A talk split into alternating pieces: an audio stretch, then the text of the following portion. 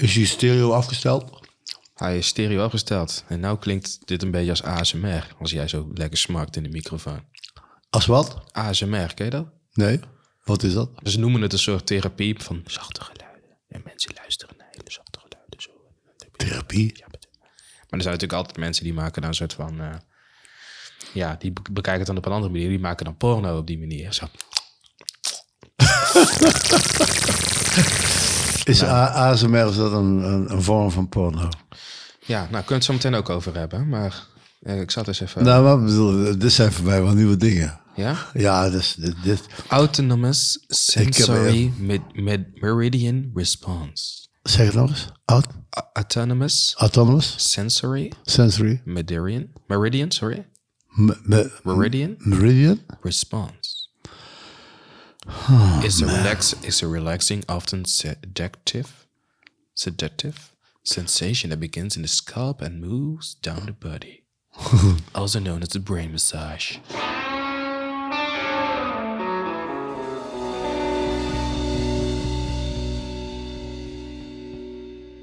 Daar zijn we weer. Ja, dit is eh, seizoen 1, aflevering 4 van onze podcast Bertus en Gio, retro-muzikanten in moderne tijden. En deze aflevering heet Sprong in het diepe.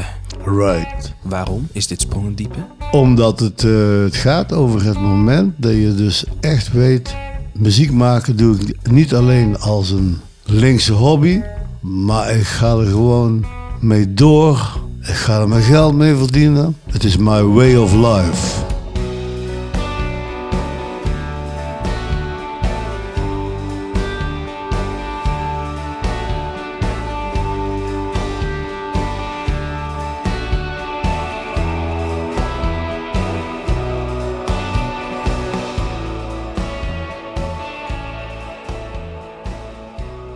Dit is aflevering 4 van dit seizoen. Op 21 januari was eh, aflevering 3 en die ging over plankenkoorts, de eerste plankenkoorts. En op 7 januari Een kind heeft idolen. En op 17 december Muziek in de paplepel. Zoals u hoort zijn wij gewoon chronologisch ons leven begonnen te beschrijven. Vanaf het kind zijn tot aan het punt waar we nu aangeland zijn. Het punt waarop we besluiten om definitief ons leven te wijden aan muziek maken. Is dat even een nobel streven of niet, Gio? Nou, dat is best wel een behoorlijke sprong in het diepe. Nou, Want je krijgt altijd diezelfde vragen. Hè? Van, eh, ja, maar wat nou over je toekomst? En je pensioenopbouw? En, ja, eh, ja, dat is raar. Is er wel geld in te verdienen dan? En ga ze, Ja. nemen ze een echte baan. Ja, en wat doe je in het echt? Ja. Dat is wel raar. Dat is dan wel gemeenschappelijk. Ondanks dat het, eh, zeg maar, jouw eh, beslissing, die is natuurlijk pas gevallen jaren nadat mijn beslissing viel. Maar dat is dus hetzelfde gebleven. De omgeving zegt meteen van, eh, heb je ook al nagedacht van hoe komt er dan brood op de plank? Nou ja, eerlijk is eerlijk. Daar hadden we toen wel over nagedacht. Tenminste, ik had er wel over nagedacht. Of er, hoe krijg ik brood op de plank? Maar ik had er nog geen antwoord op. ik ging er gewoon voor. Maar goed, hoe was dat? ehm, kan jij je vertellen hoe oud jij toen was? Ja, dat ehm, eigenlijk toen ik van de HBS afkwam. Toen was ik dus eh 17, 18 zo, weet je wel, de- die leeftijd. Toen eh, wilde ik dat per se, toen wist ik dat wel dat ik dat echt ging doen. En dat had ook wel mee te maken dat in die tijd dus min of meer de jeugdcultuur opkwam. Dus dat de jongeren, waartoe ik toen nog behoorde, eh, een eigen stem gingen krijgen. En ook hun eigen liedjes gingen schrijven. En ja, dat we het idee hadden dat het best kon. Kijk, wel mensen om je heen die zeiden van ja, maar wat, dat is geen beroep. Muzikant zijn is geen beroep. Dat is een hobby. Ja, dat is op zijn hoogst een hobby, ja. Oké, ik had het ook op mijn eh, zeventiende overigens. Want dat is echt een beetje de leeftijd dat je natuurlijk sowieso van het systeem, weet je wel. Je moet je keuzes gaan maken in je leven. Je gaat, Ja, ja inderdaad. Hè, je, je komt af van de, school, van, van de middelbare school en je gaat op een gegeven moment een, bepaalde richting op. Je gaat studeren. Wat ga je doen? Ja, Ik eh, voel me daar wel... eh, bij mij grappig dat dat bij ons al dezelfde leeftijd, on- ongeveer dezelfde leeftijd is gebeurd. ja, en ook grappig dat dan dus de, de omgeving op dezelfde manier blijft reageren. Want kijk, bij mij gebeurde het dus in 1964, 1965 zeg maar vooral, weet je wel. Eh voor jou is dat geweest dan in eh, Eh, 2007. 2007. Eh, was ik toen 17? Ja, Ja, Ja. 2008, ja, 2007, 2008. Ja, 2008. oké. precies. Moet je nagaan. Ja, nou ja, je bent dus heftig aan het puberen. Je bent echt onwijs dik hard aan het puberen. Je krijgt in één keer muzikale vrienden om je heen. Tenminste, dat had ik dan. Daar heb ik de vorige aflevering ook natuurlijk over gehad. En ik ging op een gegeven moment natuurlijk meer met die vrienden, weet je, een beetje muziek maken, weet je wel. Gewoon, Ja. eh, gewoon eh, dingen creëren, di- dingen schrijven. Ja, maar op een gegeven moment krijg je toch ook het idee van... eh nou zit ik in een omgeving die niet echt wil gaan voor de muziek. Zij vinden het wel leuk om te doen. Dus ik ga eens op stap om mensen te ontmoeten die ook 100% willen gaan voor muziek maken. Ja, precies. Want ik heb toen ook echt besloten om echt naar Eindhoven te gaan om... Vanuit Versum, toch? Je komt uit Versum. ja, toen, toen was Veldhoven, toen zat ik in de Evergreens en zo. Maar op een gegeven moment ging ik echt eh, naar de stad. En waar ik ook andere jongens ontmoette die een- ook meer bezig waren met de muziek waar ik in was gedoken. En toen kwam ik in feite terecht in, eh, in de band die heette Dirty Underwear. Goeie naam. Zie, dat blijft een goede naam. Dirty Underwear. Nice. We begonnen te spelen met covers. Iedereen speelde covers. Alleen Dirty Underwear die had ik al min of meer de gewoonte om bepaalde nummers om erin te gaan jammen. En zo ontstond er in feite een nieuwe sound. En dan kreeg je ook ideeën om zelf nummers te gaan maken. En ik weet dat bijvoorbeeld een van die songs die wij destijds eh, oppikten was een nummer van The Doors. Eh, When the Music is Over. We speelden meer nummers van The Doors. Hè, van ook eh, Hello, how are you? Oh, no, your name. En Love Me Two Times. Maar When the Music is Over, er zit dan zo'n open stuk in. Waarin je dus een waanzinnige lange jam kunt maken. En je herinnert je ongetwijfeld dat wij dat met de Young Retro's gewoon nog een keer hebben opgenomen. Jazeker. Hè? Want, want ik heb dat nummer toen ook aangebracht als eh, van, eh, dit is ook een leuk nummer om te doen. Ja, zeker. Ik vond het waanzinnig. Waanzinnig, heel theatraal nummer natuurlijk. ja. Wil je dat ik die aanzet? Nou, je kunt misschien de intro's van allebei die versies een keer aanzetten. Dus die van de Doors en van eh, de Young Retro's. Ja, is goed. Alright. When the music is over. Nou, laten we beginnen met het origineel van The Doors. Komt-ie.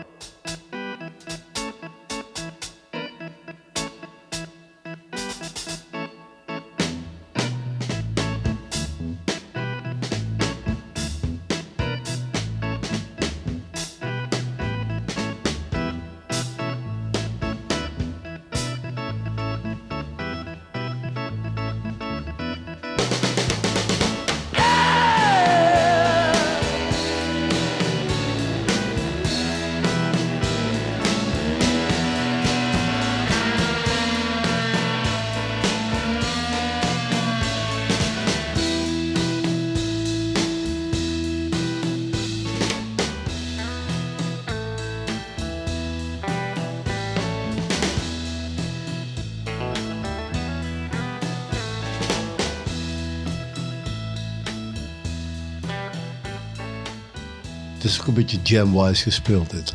Ja, behoorlijk. Dat was toch sowieso een beetje het ding van The Doors. Hele Ja, lange. Ja. ja, ja. Spacey eh, intro's en eh, stukken.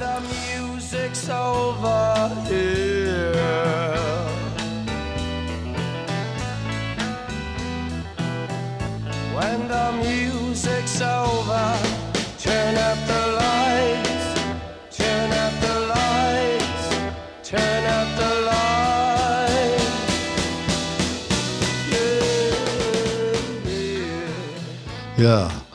En, dan, vooral- en vooral het tussenstuk, dat bouwden we dan gewoon live zeg maar, op het podium van de Poort van Kleef in Eindhoven. Uit tot een soort eh, symfonisch gebeuren van eh 20 minuten. En er was geen enkele repetitie aan vooraf gegaan en zo. We hadden alleen maar naar de hand erover van of het wel lekker ging of het niet lekker ging. Ah ja.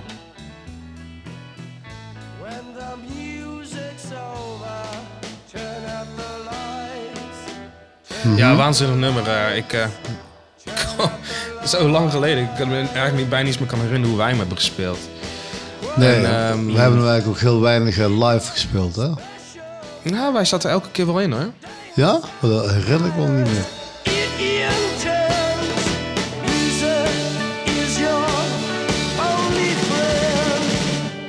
Dus When the Music's Over. Gewoon een track die wij dus hebben gespeeld samen ook. Ja, ehm, inderdaad. zullen we eens luisteren? Onze Klein, ja. Klein stukje maar, Ja. Dus dit is When the Music's Over. Maar dan de uitvoering van Bertus Borges. De man die tegenover mij zit. En de Young Retro's, waar ik ook in speel.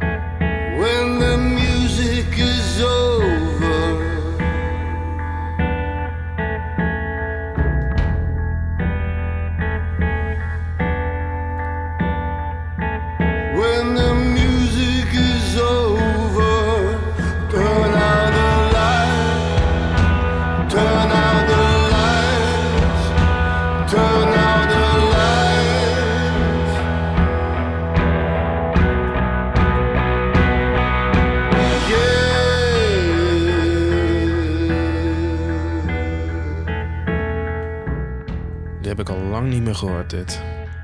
Ja, ik ook. When the music is over,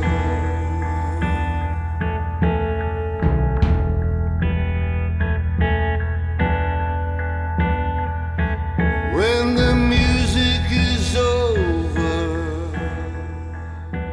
Ja, het is sowieso vreemd dat, je dat nou terug hoort. Want inderdaad, we hebben het toen opgenomen in de studio. Als bonus track uitgebracht bij het, ik denk bij het eerste album. Hè? Mhm. En ehm, het is dus een nummer wat, wat mij ergens bijgebleven zeg maar, eh, vanuit 19, pakweg 65, 66 of zo. En wat eigenlijk nog steeds eh, goed is. Leuk dat je dat dan hebt teruggebracht in eh, 2015. Ja, Maar jij speelde dus eigenlijk voornamelijk covers met de Evergreens, als ik het goed begreep. nee, de was, dit was niet met de Evergreens, het was met Dirty Underwear. Oh, sorry, Dirty ja, Underwear. ja, met de Evergreens speelden we sowieso covers. En dan vooral ook eh, op het einde bijvoorbeeld covers met, eh, van de Beatles bijvoorbeeld, van eh, Revolver, van de album Revolver. Ook een heel goed album. Ja. En in de stad was het heavier, weet je wel. Dus het was ook de tijd dat, Daar moest je naartoe. daar moet je naartoe. Ja. Right. Ja, dat was bij mij ook, man. Ik, ik kwam natuurlijk ook in een dorpje, Maarsen. Ja, En eh, er was eigenlijk gewoon geen muziek zien in Maarsen. Dat was er gewoon niet. Dat was in ieder geval niet zover ik weet. Of nee. er waren weinig opties, dus ik moest naar Utrecht toe. Maar jij wilde dus ook gewoon ergens naartoe waar... eh, Waar muziek leeft. ja, Waar, muziek, daar waar, je voor, waar in ieder geval waar er dingen gebeuren, waar er optredens zijn, waar, ja, waar je andere muzikanten kan ontmoeten, weet je wel. ja. Dat was gewoon een heel eh, belangrijk onderdeel. Waar kwam je in Utrecht terecht?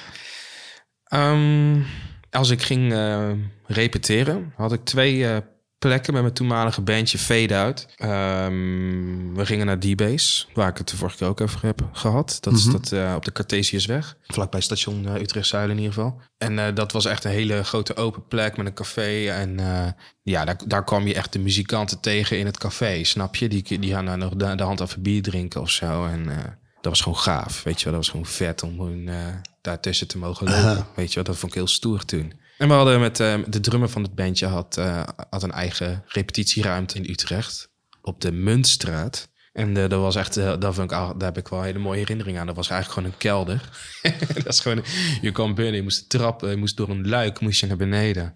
Kom je in een opslag terecht en daar verderop zat een, een ruimte. Ah, met, ja. met spullen. En Ja. dan konden we gewoon spelen. Maar dan kwam Ah. natuurlijk in die tijd gewoon eindeloze repetities, weet je wel. Gewoon wekelijks gingen we gewoon twee keer per week repeteren. Want er was maar eenmaal één dag was vrij in de Muntstraat. Dus daar konden wij dan één dag in de week zitten. En één dag in de week gingen we repeteren bij D-Base. Want daar was er ook een ruimte vrij natuurlijk. Maar, maar eh, repeteerde je dan ook eh, voor een optreden of eh, alleen maar Nee, op man. nieuwe nummers of zo? Nieuwe, nieuwe, nieuwe dingen schrijven. Gingen, we waren alleen maar aan het schrijven.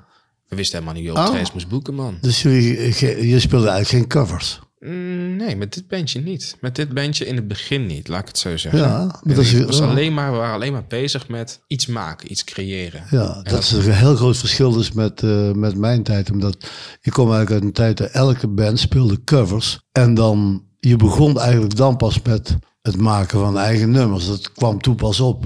Ja. In feite, de Beatles en de Stones hebben ervoor gezorgd dat dus, eh, de bandjes eh, beseften dat ze zelf nummers konden schrijven. Dat deed je eigenlijk normaal niet. Zeker met Dirty Underwear, er was een mengelmoes van invloeden toen. Hè. Was, We hadden invloeden vanuit de jazz, vanuit de soul, vanuit de, de- vooral de West Coast eh, eh, underground, zoals de, de Doors en Jefferson Airplane. Ook eh, was heel belangrijk bijvoorbeeld. Frank Zappa, ehm, American Flag, ja, noem maar op. Het, echt die, die, die scene. Maar ook die soul covers, die waren ontzettend belangrijk. Want ik herinner me dus dat eh, Wilson Pickett, dat was zo'n zanger. Dan moet je zijn nummer van draaien, dat heet 99 and a Half van Wilson Pickett. Dat is een typisch zo'n soul nummer wat eh, niemand meer kent, maar wat destijds behoorlijke indruk op ons maakte. Otis Redding, Wilson Pickett, Rita Franklin, Sam en Dave. En Wilson Pickett, het nummer heette, zei je? 99 and a half. Met een ongelooflijk mooi intro.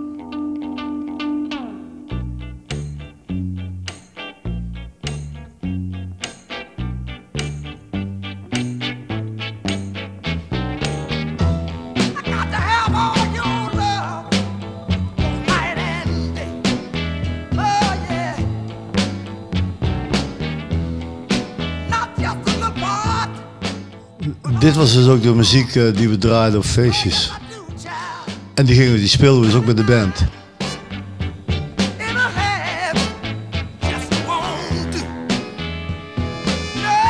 En zijn jullie dan ook echt allemaal covers gaan kiezen op basis van eh, dezelfde soort sound? Of gingen, die, gingen bij jullie alle Nee. kanten op? Ja, want we hadden een totaal andere sound. Was, het in feite, ik was de enige blazer. En eh, soms dan zong ik deze nummers ook en zo. En maar eh, het was een gitaarband. De nummers die we mooi vonden, die gingen we spelen.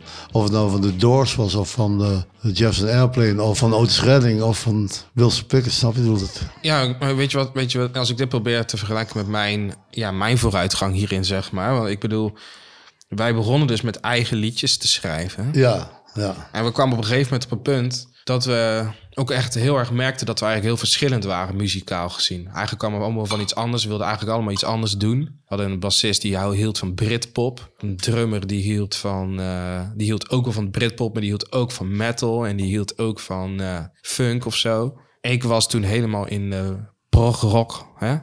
Ja, Prog-rock. prog-rock.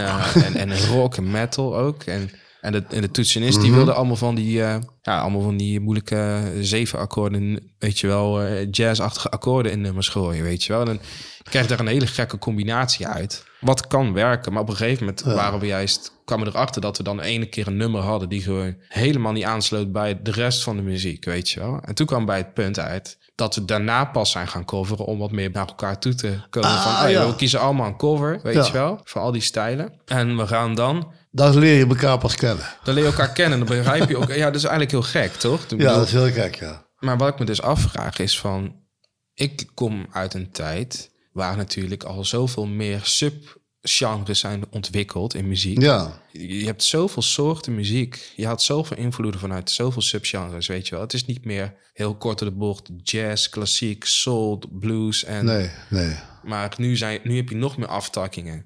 Ja, En ja. Klopt. dat vond ik best moeilijk, want op een gegeven moment kom je op een punt uit van ja, dat je jezelf moet gaan categoriseren of zo. Van wat voor muziek ga je maken? Wat, en dan, en dan raak je toch helemaal jezelf in kwijt, weet je wel? Van ja, wat maak je eigenlijk? Geen idee. Ja, nee, nee. Maar ja, dat wordt dan ook verwacht, hè, dat je dus in al die stijlen, dat als iemand zegt van, eh, ja, wat spelen jullie? Wat maak je eigenlijk? Dan moet jij, dan verwachten mensen ook dat je dus een stijl noemt waar je speelt. Terwijl toen, wij speelden dus in feite gewoon welke nummers we mooi vonden. En dat was meestal de nummers die we dus hoorden op de jukebox van de Poort Verkleef. Dus als daar een, een nieuwe single op kwam te staan, dan eh, als het ons beviel, dan gingen we dat nummer spelen. Want we gingen op een gegeven moment dus ook eh nummers spelen van de Cream. Eh, bijvoorbeeld eh, I'm So Glad van de Cream. Moet je een klein stukje, dat is een totaal andere stijl. Hebben we het over Cream van, van, van Eric Clapton? Ja, van de originele Eric Clapton. Band. Ginger Baker, Jack Bruce en Eric Clapton. Cream en het nummer heette, zei je? I'm so glad. I'm so glad.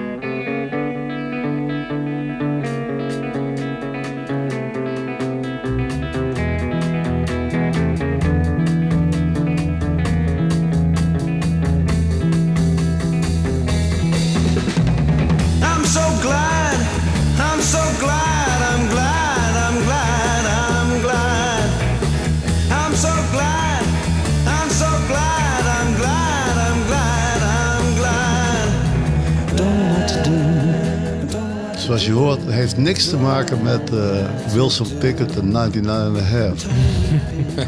Precies.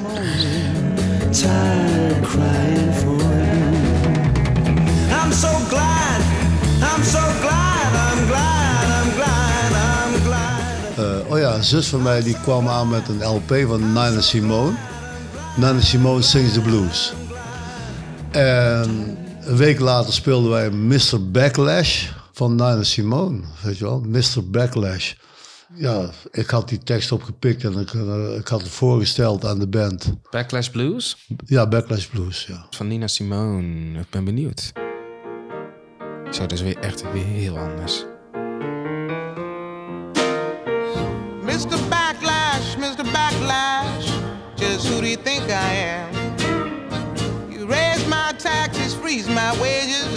My son to Vietnam. You give me second class houses and second class schools. Do you think that all colored folks are just second class fools, Mr. Backlash? I'm gonna Kijk, die tekst die past in feite helemaal niet bij mij, maar ik vond het lekker. Nou, dan ging ik dat gewoon zingen. Ja. Ja, wauw. Maar, Maar- jij, maar jij had gewoon echt ook een complete band, weet je wel. Wij, wij waren gewoon eigenlijk voornamelijk gewoon vier hele goede vrienden van Ja, elkaar. ja. Met allemaal verschillende achtergronden. Eigenlijk niemand zong in deze band ook. Dus eh, we, waren altijd incompleet. Dus eigenlijk wat we uiteindelijk ook aan het doen waren... waren elkaar muzikaal aan het uitdagen, weet je wel. Van, van hoe kunnen we onszelf verbeteren... Maar vooral als muzikant, dus als, Oh. als instrumentalist. eh. Ja, ja, we wel liedjes schrijven of als soort van we dachten van we maken gewoon alvast een fundering en Ja, ja. nodigen een na de hand wel een, eh, een zanger of zangeres uit en eh, doen we audities, weet je wel, kijken of iemand hier iets mee kan. Ja, ja, dat blijkt vind- natuurlijk, ja, maar dat, dat is eigenlijk best wel moeilijk om al op bestaande muziek, instrumentale muziek die waarschijnlijk al volgegooid is, Ja. om daar tekst en zanglijn op te Ja, schrijven. ik moet je eerlijk zeggen, Gio is eigenlijk gewoon een, denkfout. Dat is een complete denkfout. Dat is echt... eh, dat- Realiseer ik me veel ja, later pas. Ja. maar- Dus een, een song, dat is, dat is een ding waar, waaruit instrumentale dingen ontstaan. Maar dus als je instrumentale dingen hebt, om daar een song van te maken, dat is gewoon eh, te proberen om een ei te maken van losse onderdelen. Ja. Maar dat maakt niet uit. Ik heb er, Nee, heel, veel van, ik heb er heel veel geleerd en heel erg van gegroeid. Maar En wij ja, kwamen dus met, met hele, ook weer covers, weet je. Iedereen koos een cover uit. En er was gewoon altijd een compleet ander nummer, weet je wel. Gewoon Ja. van de verringen van, eh, om maar een voorbeeld te geven. Of, eh, of wil je nog... eh, Nee, maar dus het punt is, kijk, je hebt het over een cover. Jij gaat het aan een cover ook naspelen. Terwijl dit, wij namen de song en wij maakten er met de band dan een, een versie van. Eigenlijk meer een interpretatie. juist, ja. Dus dat is eigenlijk niet het cover zoals meestal het woord cover bedoeld wordt. Weet je wel, je ziet die festivalaffiches met allemaal bands die niet meer bestaan, van tributes en zo. Die cover dus gewoon ooit naadloos eh, ACDC of weet ik het allemaal, weet je wel. Hè? Ja. Maar dat deden wij dus niet. Omdat wij gewoon eh, daarvoor niet de stemmen hadden en ook niet de bezetting. En ja, wij zijn gewoon, we waren gewoon Eindhovens eh, jongens die eigenlijk eh, vooral in de Poort van Kleef bij elkaar kwamen omdat je daar eh, doop kon kopen. Dat was Wat wil je eh, nog dus- meer? Dat was de reden. Muziek en doop. Het, het staat vol, met, het vol met, eh, met leuke meiden. En je mocht dan achter in de zaal mocht je voor de intree spelen. Juist. Dus op zaterdagavond speelden we de achter in de zaal. Mhm. En dan verdeelden we de intree. Dat waren nog tijden, hè, Bertus? Eh, ja, dat, dat weet ik niet. Over een optredens. Nee, ik vind wat, wat jij, wat jij eh, schildert is ook wel mooi. Lekker repeteren in, een- in een dingetje en zo. En, eh, Ja, we waren jong en we wilden gewoon goede muzikanten worden. En we wisten gewoon vooral niet beter, weet je wel. Dus, nee, dat is waar. dus ja, wij kwamen met ook hele andere, echt uiteenlopende nummers uit, weet je wel. Zo van, Ja. we hadden echt een opdracht aan onszelf gegeven. We gaan allemaal kiezen een cover uit. Wat jij een vette song vond. En we hadden vier bandleden, vier verschillende liedjes. Ik weet ze niet allemaal meer, maar ik weet gewoon bijvoorbeeld... De grootste context zat hem in eh, bijvoorbeeld eh, Deep Purple met eh, Highway Star. Ik weet niet of je die kent. Nee, dat was dus een favoriete cover van jou. Nee, dat was de favoriete cover van eh, de toetsenist van de band Daan van der Heijden. En eh, hij was gewoon echt een virtuoos op, op keys. Wat ik me afvraag, hè? als hij dan komt met een nummer van Deep Purple, dan werd er eigenlijk van jou dus verwacht dat jij de gitaarpartij van die Deep Purple versie Ja, ging imiteren qua sound en qua spel. precies. Dat was in ieder geval de opdracht. En, en, en, en na de hand konden we natuurlijk wel wat hè, dingen op vrijheid opnemen. Maar om even een beeld te geven wat, voor wat Mhm, nummer dat ja, is, dat klinkt zo. Highway Star van Deep Purple. Ja, waanzinnig gewoon. Lekker rocknummertje. Wijze, vette or orgelpartij erin.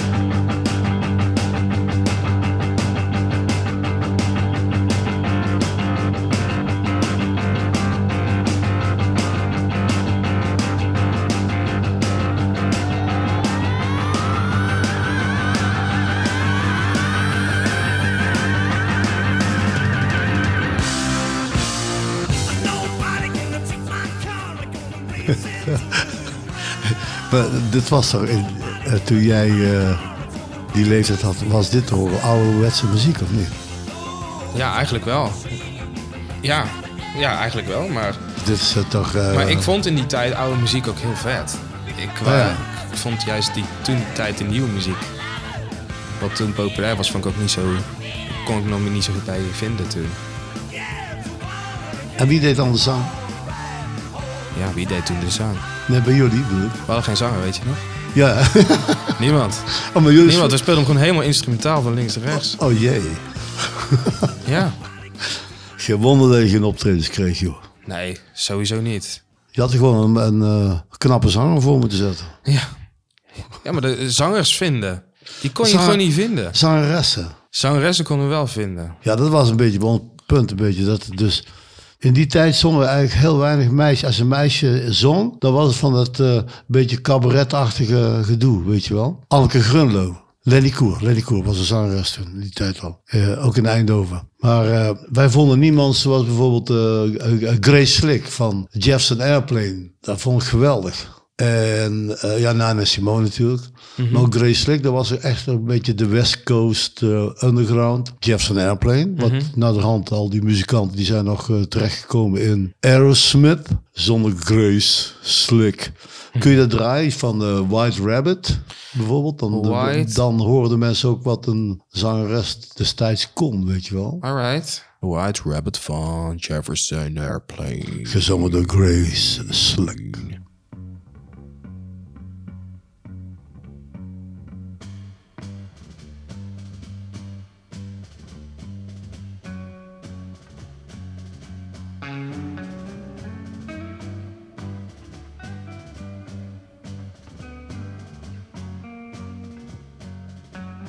Ik heb dus laatst geleerd dat eh, Jefferson Airplane misschien wel de oorspronkelijke oprichters zijn van een festival. Van het, concept een festival. Waar met z'n allen mensen naar één plek toe gaan in de buitenlucht. We gaan genieten van muziek. Ik leerde dat eigenlijk via een eh, docu op eh, Netflix. Oh, dat ik- dat zou ik me voor kunnen stellen. Dat daar ontstaan is, ja. In de, in de parken in, Ja, in de Californië. Eh, op, op, gewoon op het trucks gingen ze gewoon... eh, trucks? Op trucks eh, gingen ze gewoon optredens geven. Oh, geweldig. En dat toerden ze op die manier rond. En dan kreeg je een hele verzameling mensen die bij elkaar komen en eh, gingen genieten ervan. En dat is een hele nieuwe ervaring. Uiteindelijk, uiteindelijk werd dat eh, concept zo groot en zo populair. Ja, dan moest het wel. Dan, kon dan was dan eigenlijk zijn truck was gewoon te klein. Ja. Maar ik had het toevallig gezien. Kijk maar, het was een documentaire heet eh, Pop op Netflix. Best wel cool. die hebben verschillende afleveringen. Deze heet de festival.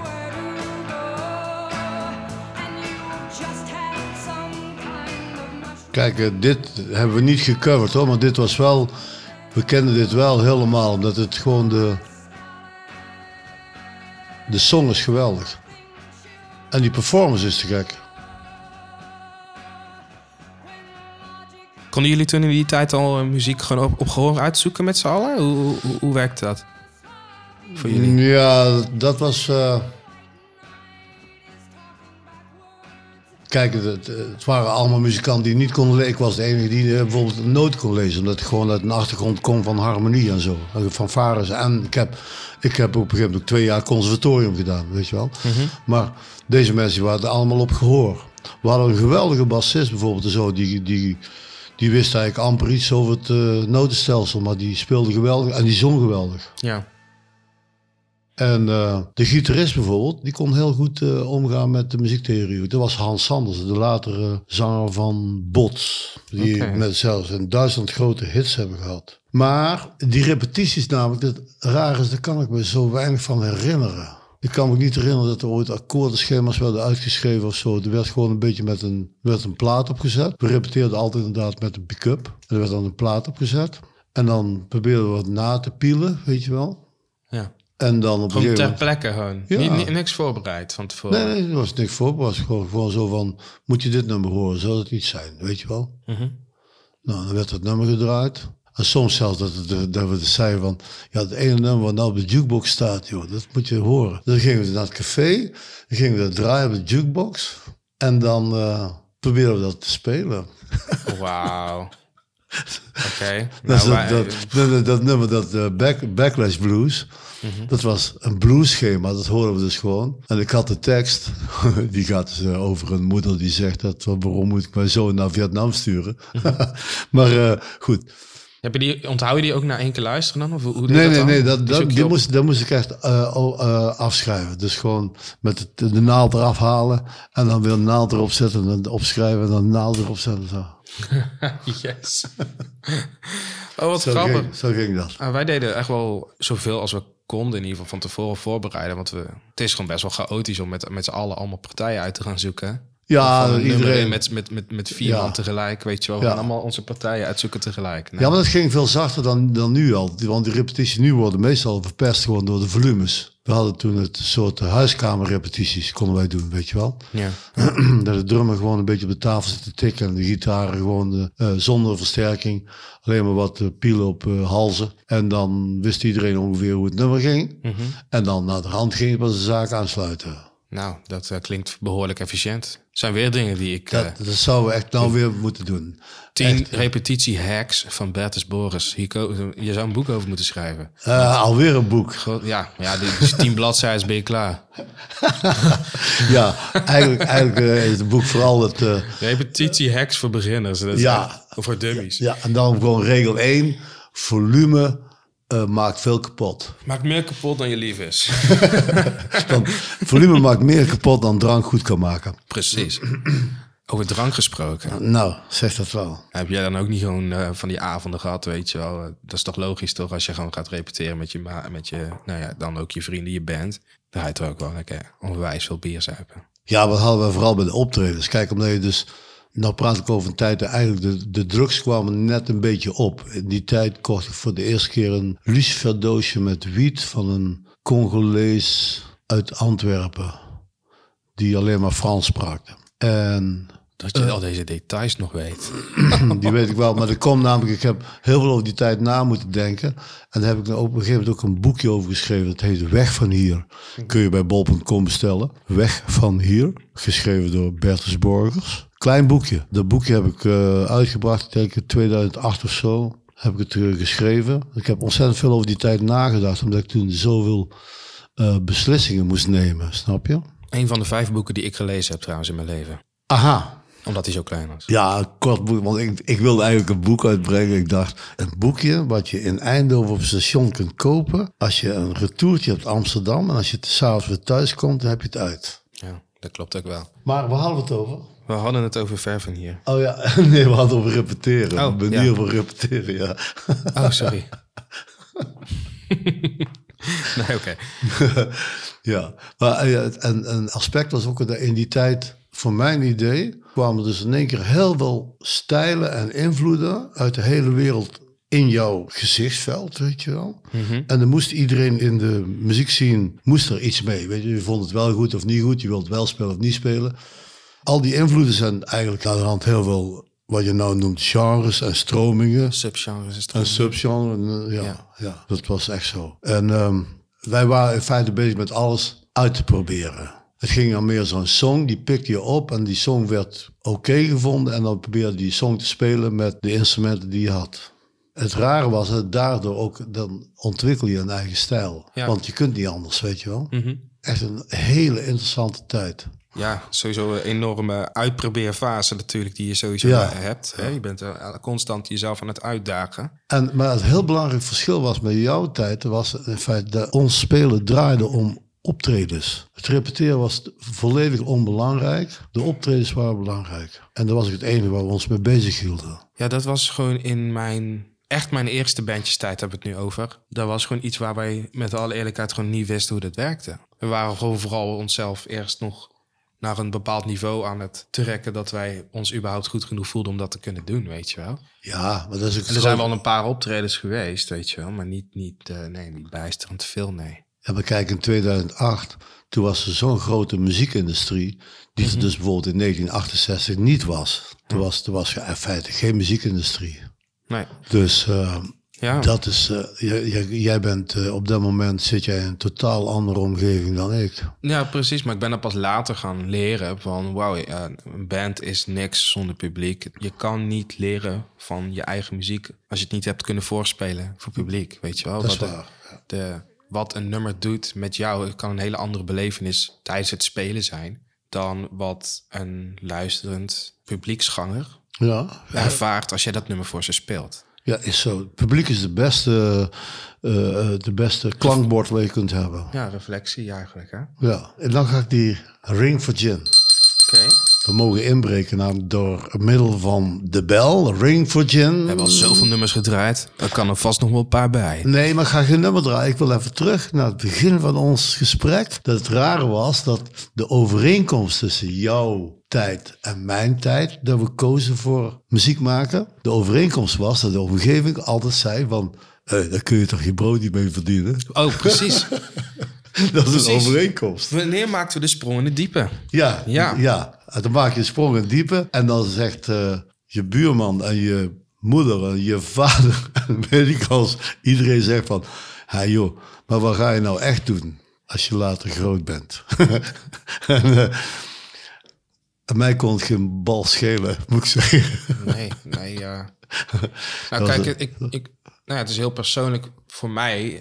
eh, is ik deed niks anders meer dan muziek maken rond die tijd. Hè, vanaf mijn eh, Ja, maar tweede bedoel, jaar middelbare school. Ja, maar als, als dan tegen jou zei van, hoe wil je nou later hiermee je brood verdienen? Ja, daar was ik dus helemaal niet mee bezig, met Dat brood verdienen. Hey, totaal niet. En dat heb jij ook. Exact, ja. ja. Maar voor mij was er in die tijd. ehm, ik kom uit een gezin met twee ouders uiteindelijk die allebei zichzelf helemaal kapot werkten in de IT. Daar had je alle luxe voordelen mee met drie keer per jaar op vakantie gaan. En eh, echt, weet je wel, we hoefden, ons- hoefden ons echt geen zorgen te maken om geld, bla bla bla. Mooi, weet je wel. En, maar ik heb ook gezien wat voor stress en, en, eh, en verdriet dat met zich mee kan brengen Mhm. omdat ze zo alleen maar bezig zijn met werk, weet je wel. En ik heb op een gegeven moment gedacht van... Hey, ik leef liever nog een week lang op droog brood, ja. bij wijze van spreken.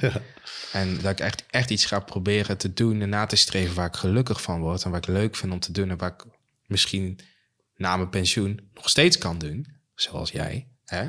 Ja. En dan dat ik zeg maar achter een, een keuze ga staan wat mij gegarandeerd geld op gaat leveren. En dat is natuurlijk een wilde tiener ding om te zeggen, want je bent sowieso, eh, je hebt nog geen vaste lasten en eh, bla bla bla bla. Dat wist ik natuurlijk ook nog niet, maar ja, ik ging er wel gewoon voor. Dus ja, Ja, ja, ja. dat, dat, dat, dat, dat vergelijkbaar met, met mij hoor. Want op het moment dat ik dus eh, echt thuis wegging, toen kwam ik erachter dat het leven toch wel duur was. En eh, het rare was dat op dat moment min of meer bij Dirty Underwear, je verdiende niet genoeg geld natuurlijk bij die één keer in de week voor de intree spelen. En ik dacht van ja, ik moet toch echt geld ermee verdienen. Dus toen ben ik in een orkestje gestapt, in een combo heette dat toen. Het Joe Sanford combo. En het was een man uit Eindhoven die ook saxofonist zanger was, maar de ouder, ouder dan ik. En die had een repertoire van dat chicere ballroom en jazz repertoire. Zo van Moon River, wider than a mile, weet je wel. En Ja, van ja. eh, Love letter straight from your heart. Keep us a real apart. Dat, dat, dat, dat soort dingen. En hij zocht er mij bij om de nieuwe soul hits te zingen. Dat wilde hij eigenlijk. Dus eh, When a Man Loves a Woman, eh, Midnight Hour, dat soort dingen. En dan kon hij ook meteen tweestemmig saxofoon spelen. Want dat vonden ze in Duitsland fantastisch. Tweestemmig saxofoon. Ik besloot erop in te gaan, weet je wel. En het was dus echt eh, eh, maandcontracten in Duitsland en Oostenrijk. In nachtclubs op Amerikaanse basis. eh, waar je dus voor de militaire, Amerikaanse militairen speelde. Voor de GI's. En we hebben ook gespeeld een maand in een dansrestaurant. Een dansrestaurant dus. in Stuttgart. We hebben gespeeld een maand in een hotel in, eh, in Oostenrijk. Bij de wintersport. En dan bijvoorbeeld die, die nachtclubs waar je dan speelde. Wat mee begon. Was in Beieren. En dan speelde je zes avonden in de week. Van negen tot drie. Met om, om Wauw. 12 uur 20, 20 minuten pauze. Kreeg je een hapje te eten. En moest je telkens drie nummers spelen. En dan een paar minuten wachten. Dan weer drie nummers spelen en zo. En het was dus echt muziek die dus populair was in het algemeen. Weet je wel? Ja. Ik durf de term wereldmuziek niet te noemen, omdat dat eh, heeft een heel andere eh, connotatie gekregen natuurlijk. Maar dit was dus eh, echt gewoon de grote hits van alle tijden. Van Heide tot en met eh het Dr. Sivago melodie van de film, eh, tot en met La Paloma, tot en met de nieuwste hits van de Zwei Kleine Italiener of zo, weet je wel, van Connie Frobus. En dan de nette beat hits, zoals Massachusetts van de eh Bee Gees. En heel veel van die tweestemmige melodieën. Dat heb ik gedaan, ik denk eh, iets van 7, 8 maanden. En dan verdien je wel veel geld. Want het was voor mij toen heel veel geld. Het was 1500 mark, Duitse mark per maand wat je kreeg. Maar dan maakte je ook allemaal op Ja, ja. om aan eh, uitgaan en kleren en weet ik het allemaal zo. Ja, tuurlijk. Maar ehm, het was, ik verdiende dus daar wel mijn geld mee. Maar toen kwam ik dus terug en toen wist ik één ding zeker. Dit ga ik niet doen. Cover spelen. En een, een coverband zijn. Dat, dat was een co- coverband en dan waren alle covers ook heel slecht gespeeld. Oké. dus eh, je, je voelde je niet muzikaal gezien dat- uitgedaagd. Nee, het enige wat ik daar heb geleerd is dat ik heel veel melodieën heb geleerd. En dat ik heel snel ben in het herkennen van een nummer. En eh, heel snel eh, kon anticiperen op wat de pianist... Want er zat echt zo'n pianist bij, een pianist-pianist, weet je wel? Ja. Pianopianist. Zo'n echte. Een echte. Ja, met Ja. zo'n... eh, Touché. ja, en die heeft ook zo'n pak, weet je wel. Met, Ja, we hadden allemaal smokings aan. We moesten alles, allemaal smoking aan. ja, ja. Ja, lekker. Mij niet in vinden. hoor. Maar ik heb al een hoop eh, geleerd in die tijd. Vooral over Duitsland. Kan je een voorbeeld eh, noemen? dat eh, Duitsland, ten eerste was in die tijd dus nog een heel strenge scheiding van Oost-Duitsland en West-Duitsland. En het rare was dat dus bleek dat mijn generatie Duitsers, die waren opgegroeid in een stil huis waar nooit gesproken werd over het verleden. Oh, dat ging in de doofpot. Ja, zelfs die doofpot, doofpot was niet te vinden. Nee, doofpot ging in de doofpot. Oké, oké. Alright. Oké, oké. Maar we maakten in ieder geval even weer terug. Ik ga, nog, ik ga ook even bellen zo. Ja, We zijn er weer. We haken steeds af. Maar we zijn nu weer terug. we zijn we We terug. maakten de beslissing om een sprong in de diepe te nemen. Ja. En we zijn er erover uit dat wij allebei ons 0% zorgen maakten om geld op dat moment dat we die keuze maakten. Ja. Maar wat vonden jouw ouders hiervan? Ik ben opgegroeid met ouders die dus ook in de muziek, die heel veel muziek maakten en zo. En die vonden het verkeerd eigenlijk dat ik daarvoor koos. Omdat ik ook een aanbieding had gekregen om te komen werken en studeren op het natuurkundig laboratorium van Philips. Ik kom uit de straat waar iedereen bij Philips of bij de DAF werkte.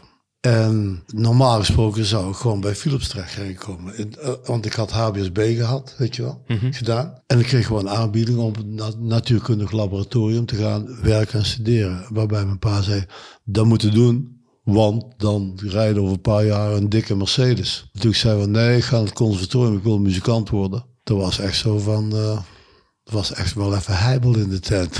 Ja, Dat wel. Maar kijk, het mooie is wel dat blijkt het bij jou. Je kiest toch voor iets waarvan je denkt van, daar heb ik de rest van mijn leven nog iets aan. Want dat is eigenlijk wat ik zag. Hè? Dat is mensen waren niet gelukkig. Ja, Ik dacht, ik dat kies, ik ook. ja, Ja, ik kies voor iets waarvan ik denk dat ik later, dat ik er heel mijn leven iets aan heb. Weet je wel, daar kies ik voor. En eh, het geld, dat zal wel komen. Of zo, weet je wel. Ik ga echt niet dood van de honger. nee, precies. En eh, daar zou, die keuze, die, eh, ik heb er steeds geen spijt van. Nee, nou, ik ook niet. En ik herken me dus heel erg in jouw verhaal. Dat motief, ja, Weer dat hè? motief. Ik, Ja. eh, ik deed eigenlijk bijvoorbeeld al bij mij kwam dat moment echt heel specifiek op het moment dat ik de kans kreeg om zo'n opleiding te doen. Ik had het eigenlijk nooit in mijn hoofd Ah, ja. dat ik muzikant ging worden. Ik vond het gewoon heel erg leuk. Maar ik heb nooit durven dromen dat dat voor mij weg was gelegd. Of dat ik daar enigszins goed genoeg voor was om dat te kunnen doen. Totdat ik eh, eigenlijk mijn, eh, mijn bandleden hielp met een auditie bij eh, het Rock City Institute in Eindhoven. De Oh ja. MBO muziekopleiding die toen startte in, eh, wat zou dat zijn, eh 2011 of zo? Ik weet het niet. Ja, dat weet ik niet. zo. Heel lang geleden. Ik denk nu rond 12 jaar geleden in ieder geval. En eh, eigenlijk deden mijn bandleden auditie en ik niet. Ik deed, hielp gewoon mee, want ik zat in die band. Dus ik speelde. En eh, ik kan me herinneren dat, eh, dat ze allemaal die per direct aange- a- waren aangenomen. En ik deed toen op dat moment een andere opleiding. Een opleiding ICT.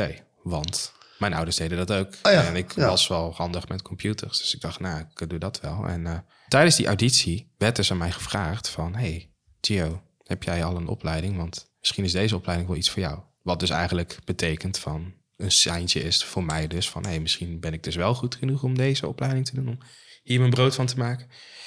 Dus ik ehm, ben toen in de pauze ben ik, eh, van, eh, van die docenten ben ik op ze afgestapt. Ben ik gaan vragen van, nou, eh, wat zijn de opties? Kan ik nog auditie doen of ben ik al te laat, weet je wel? Toen zeiden ze van, nou, we hebben je al zien spelen. En toen zei van, nou, als we, we plannen zo meteen even nog een gesprekje in, een motivatiegesprek. En dan zien we verder wel. En toen bleek ik dus ook aangenomen te zijn.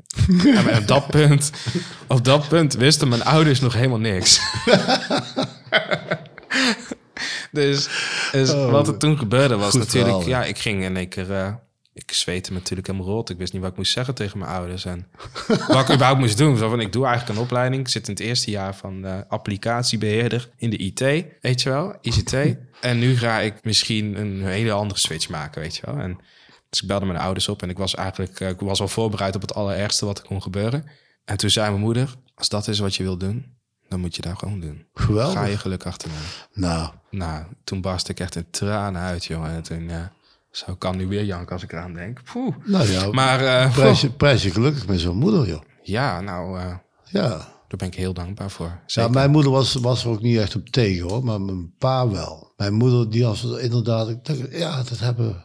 Vrouwen die hebben meer... eh, die kunnen toch breder kijken, of zo. Ja. Nou, mijn, mijn beide ouders stonden erachter. Stonden allebei ja. achter. Maar ik had toen mijn moeder aan de lijn, dat weet ik nog wel. Fantastisch. Ja, dat was echt, dat was echt iets heel moois. En dat was inderdaad het moment van... maakt niet uit wat ik ga doen, ik ga dit doen. En Ja. er is no way back, weet je wel. Er is geen plan B, er is... dit moet ik gaan doen. Nou, sterk. Nou, hij is ook sterk.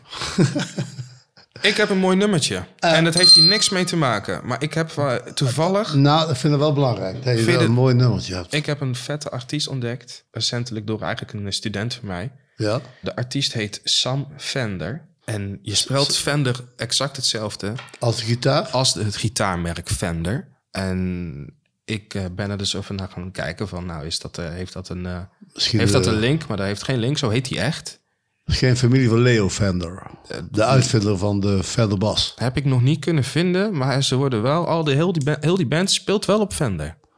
Dus- ben ik wel heel verdacht. Ja, eigenlijk wel hè. Maar oké, hoe, hoe ik het, hoe ik het omschrijf is van... Ik, wat ik heel cool vind, deze plaat die ik nu opzet... die heet The Borders van Sam Fender. En die komt uit 2019. En ik kan me nog herinneren in die tijd... dat ik merk gewoon de laatste tijd dat er steeds minder gitaar meer op de radio of op eh, de top 40 en zo te horen is. Maar op een gegeven moment kwam deze artiest weer voorbij en toen begon ik er weer even in te geloven. Ik vind dit eigenlijk een beetje de, ik noem het een beetje de Bruce Springsteen van, eh, van nu of zo. Ja, als ik dat mag zeggen. Een beetje in de jonge, jonge variant. Dat mag jij zeggen. Ik ga het gewoon opzetten. Ik vond, het, deed mij, het is echt een hele goede throwback naar muziek van vroeger, vind ik. Komt ie. The Borders van Sam Fender.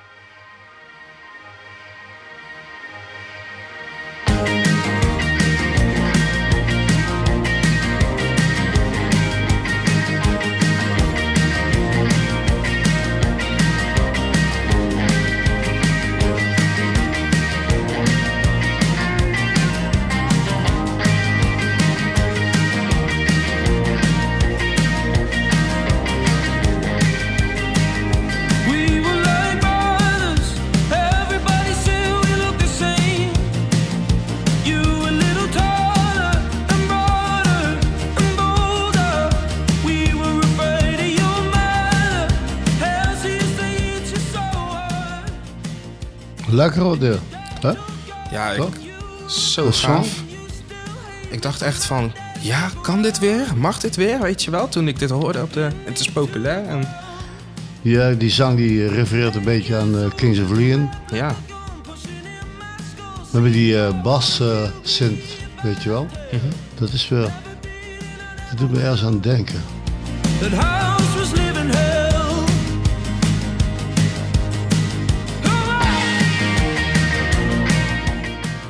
Oh, die vette chorus achter op de gitaar, weet je wel. Eh, Oh, ik vind het zo lekker. Vind ik ook. Maar goed, dat... Nou, oké. nou, Ja. Zet ook op onze playlist. We hebben namelijk een playlist. Bert's en Gio, retro muzikanten in moderne tijden. Een playlist op Spotify. Waarin we alle nummers zetten die wij hier aanhalen. En omdat het een podcast is, draaien we de nummers niet compleet in de podcast. Maar ze zijn allemaal te vinden op onze playlist op Spotify. De playlist Bertels Gio, retro muzikanten in moderne tijden. Zeker, zeker, zeker. Zeker, zeker.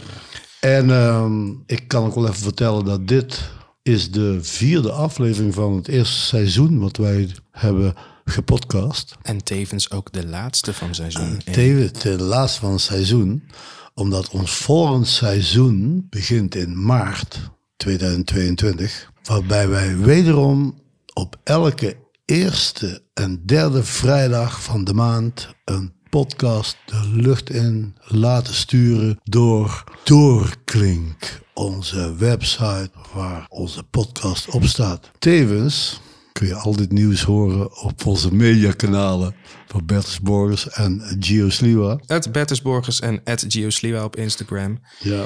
En Bertus Borgers op Facebook en op Twitter. overal Ja, moeten wij niet op TikTok? moeten wij op TikTok. Nee. Ik, eh, nou ja, nou, Nee, ik niet hoor, persoonlijk. moet niet per se. Mag, ja. Eh, is- Mochten jullie nog ehm, eh, suggesties hebben of vragen... Jullie kunnen ons altijd mailen op bertusngio.gmail.com. Wij willen Doorklink, met wie wij de podcast samen hebben gemaakt, onwijs bedanken. Ja, Wij willen jullie bedanken, de luisteraars. Mochten jullie eh, jullie geroepen voelen om ons een steuntje in de rug te geven, jullie kunnen ons supporten via petjeaf.nl slash waar je bepaalde perks kan krijgen voor een kleine donatie. Daar help je ons ontzettend mee. En eh, en ondertussen gaan wij ook nog een beetje werken aan een soort eh, act. Dat we met z'n- als duo kunnen optreden. Omdat de tijden toch wel moeilijk zijn voor optredende gezelschappen. Houden wij het gezelschap klein. precies. Dus een leuke boeking mag ook gemeld worden via bertusengio.gmail.com. en zo is het maar net. En dit is in feite min of meer het einde van onze aflevering Sprong in het Diepe. Ja, wat, gaan we nou, eh, wat zullen we nou eens gaan doen? Nou, eh, de- dat is de vraag. Wat zullen we nou eens gaan doen? Want we hebben nou chronologisch verteld aan elkaar hoe onze kennismaking met muziek is geweest. Vanaf dat we in de luiers rondliepen. Mhm. En nou zijn we aangeland op het punt van dat we allebei gekozen hebben om muziek te maken. En waar zullen we onze volgende seizoen podcast eens over laten gaan, joh? Ja, daar kunnen we niet over nadenken. Ja, daar gaan we over nadenken. En eh, daar mogen jullie ook suggesties voor geven. Ook dat. Mail ons maar. Ja. Maar eh, ik bedoel eigenlijk iets anders. Ik bedoel, wat gaan we nu doen? Gaan we Nu? Bier, gaan we nu bier drinken?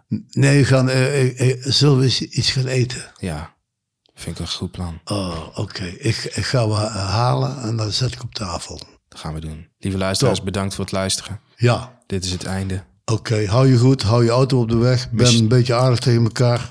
Ik mis jullie nu al. Ik ook.